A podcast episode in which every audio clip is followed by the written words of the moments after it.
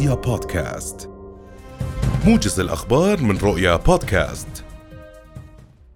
صرح مصدر عسكري مسؤول في القيادة العامة للقوات المسلحة الأردنية الجيش العربي أن القوات المسلحة الأردنية ستقوم بنشر قوات وآليات عسكرية على الطريق من مطار الملكة علياء الدولي وحتى منطقة البحر الميت تمهيدا لانطلاق مؤتمر بغداد للتعاون والشراكة في نسخته الثانية والذي سيعقد في المملكة يوم الثلاثاء المقبل.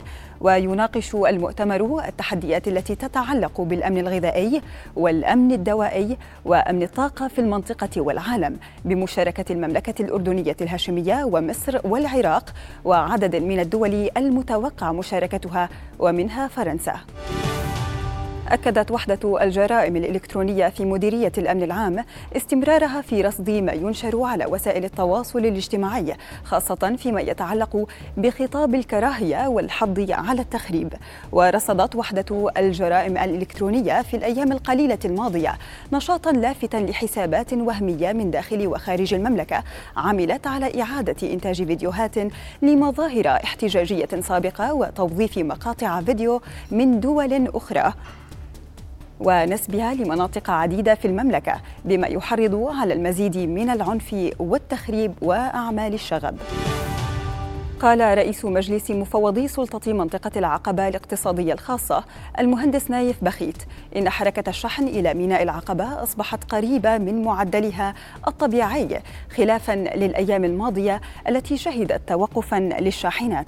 وأضاف البخيت أن السلطة والأجهزة المعنية في المحافظة اتخذت إجراءات وتدابير أسهمت في إعادة منظومة الموانئ إلى العمل مشيرا إلى أن حركة شحن البضائع مستمرة من وإلى ميناء العقبة بعد بعد تسهيل حركة الشاحنات عبر طريقي وادي عربة والصحراوي لافتا في ذات السياق إلى دخول أكثر من 1700 شاحنة محملة بمختلف أنماط الشحن.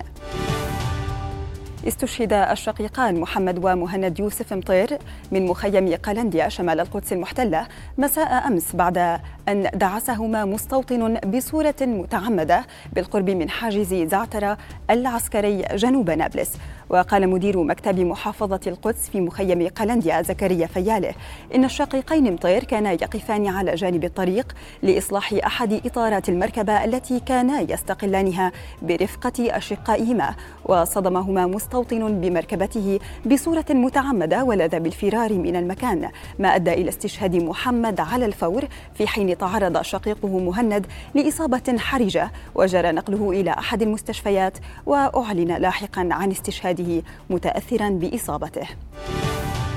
قتل سبعة من أفراد قوات الأمن العراقية على الأقل وجرح ثلاثة آخرون اليوم في هجوم استهدف آلية تقلهم شمال العراق ونسب ذلك إلى عصابة داعش الإرهابية.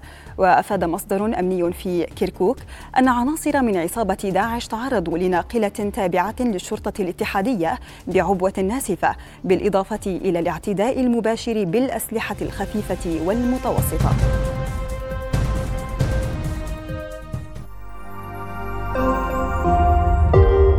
رؤيا بودكاست